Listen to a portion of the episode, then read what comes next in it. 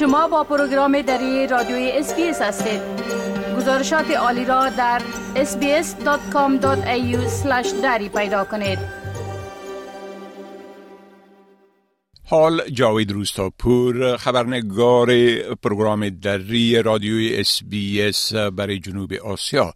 با ما به تماس هستند تا درباره تازه ترین رویدادها در رابطه به افغانستان معلومات بتن آقای روستاپور با عرض سلام. خب اولتر از همه گفتم میشه که پس از قتل مولوی مجیب الرحمن انصاری در اثر یک حمله انتحاری دیروز در مسجد گازرگاه هیرات مردم عمدتا عکس های بسیار منفی را در مورد شخصیت او ابراز کردن بله؟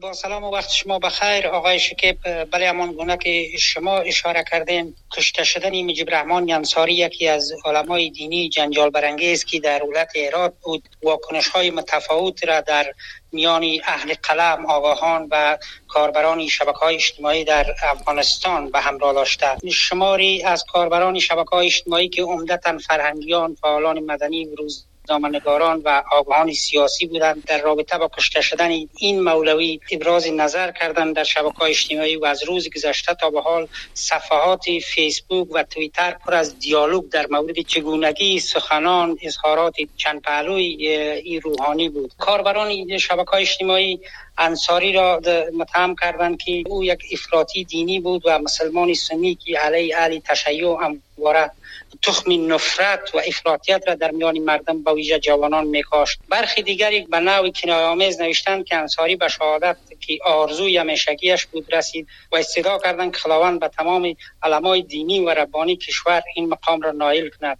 تعدادی از آگاهان هم به این باورند که مجیب انصاری قربانی خشونت شد که خودش دایدار و مبلغ بود. بعد گفتند که او در زمان جمهوریت با جرم دامن زدن به نفرت و خشونت و همدستی با دشمن که از سنگین ترین جرایم علیه امنیت است. همواره استفاده کرد و گفتن تاکید کردند که اگر دمو زمان محاکمه می‌شد به این جرم و به این سخنان حالا از مرگ شاید نجات میافت اما برخی دیگری از کاربران گفتند که آقای انصاری عالم دین بود و یعنی به بیشتری طیف افراد کسایی هستند که طرفدار گروه طالبان و طرفدار ملاها هستند. گفتن آقای انصاری همواره از حق سخن می‌گفت و در برابر حق استادگی کرد و شهادت به باوری از یا نصیب شد و این نهایت آرزو یک مسلمان است. آقای انصاری در نوع سرطان در یک گردهمایی که طالبان برگزار کرده بودند او در اینجا در صحبتایش تاکید کرد که هر کس که علیه نظام اسلامی یا امارت اسلامی سر بلند کند علما باید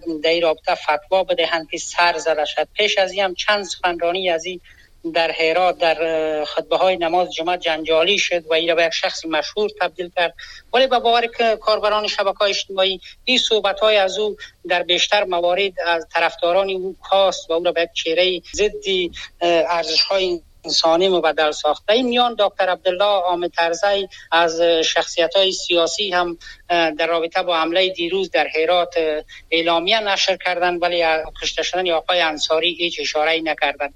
رحمت الله نبیل رئیس پیشین امنیت ملی اما گفته که انصاری خودش قربانی چیزی شد که به او باور داشت و افراطیت را او ترویج کرد و بالاخره قربانی افراطیت شد. در حمله دیروز در هرات بر بنیاد آخرین گزارش ها 47 نفر کشته شده و بیشتر از 85 نفر دیگه هم زخم برداشته و بله. شاخه خراسان داعش مسئولیت حمله را به دوش گرفته اما موضوع انصاری اولویت شده و از شهادت یا کشته شدن دیگر افراد کمتر خبر رسانی شده در رسانه ها بله خب گفتم میشه که شمار از زنان بار دیگر در فضای بسته دست به اعتراض زدن می‌تونین بگوین که اعتراض از اینا عمدتا درباره چی بود؟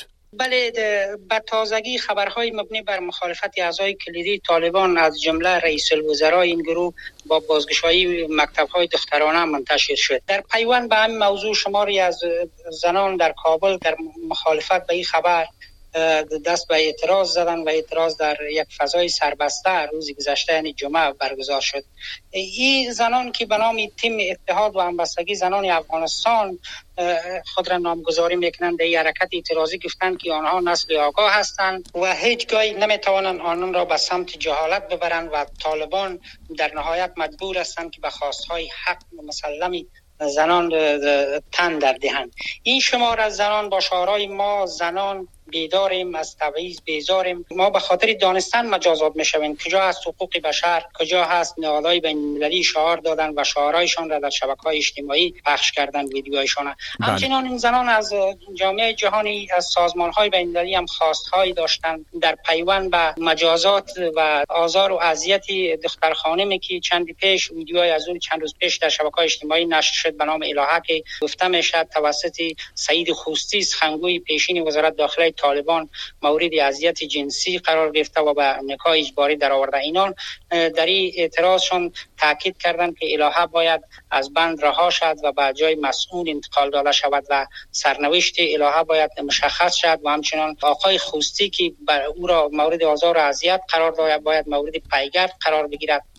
بله خب همچنان گفته میشه که تیاره های بی سرنشین در ولایت تخار حملات کرده بله؟ بله منابع محلی و برخی رسانه ها گفتند که پیمه های بیدون سرنشین دو روستا را در ولسوالی خاجب آودین ولایت تخار در شمال شرق افغانستان بمبارد کردند.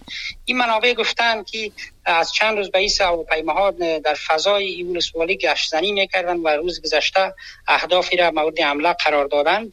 به گفته منابع روستاهای کتکجر و کهنشاخ مورد حمله قرار گرفته. ولی مشخص نیست که تیاره ها از طرف کدام کشور بودند عمدتا باورا به این است که گمانه میرد که تیاره های از روسیه یا از چین شاید این مناطق را مورد حمله قرار داده باشند. به دلیل از اینکه در این مناطق عمدتا طالبان تاجیکستانی گروه داعش و گروه چیچینی ها این فعالیت دارند و پایگاه های را طالبان در اختیارشان قرار دارند ولی از عملاتی از تلفاتی برخواسته از این حملات تا حال گزارش نشده و اداره محلی طالبان در تخار چیزی در این مورد نگفته است بله خب بسیار تشکر آقای روستاپور از این معلوماتتان و فعلا شما را به خدا می سپارم و روز خوش برتان آرزو می کنم وقت شما هم خوش خدا حافظ ناصرتان می خواهید این گونه گزارش ها را بیشتر بشنوید؟ با این گزارشات از طریق اپل پادکاست، گوگل پادکاست، سپاتیفای و یا هر جایی که پادکاستتان را می گیرید گوش دهید.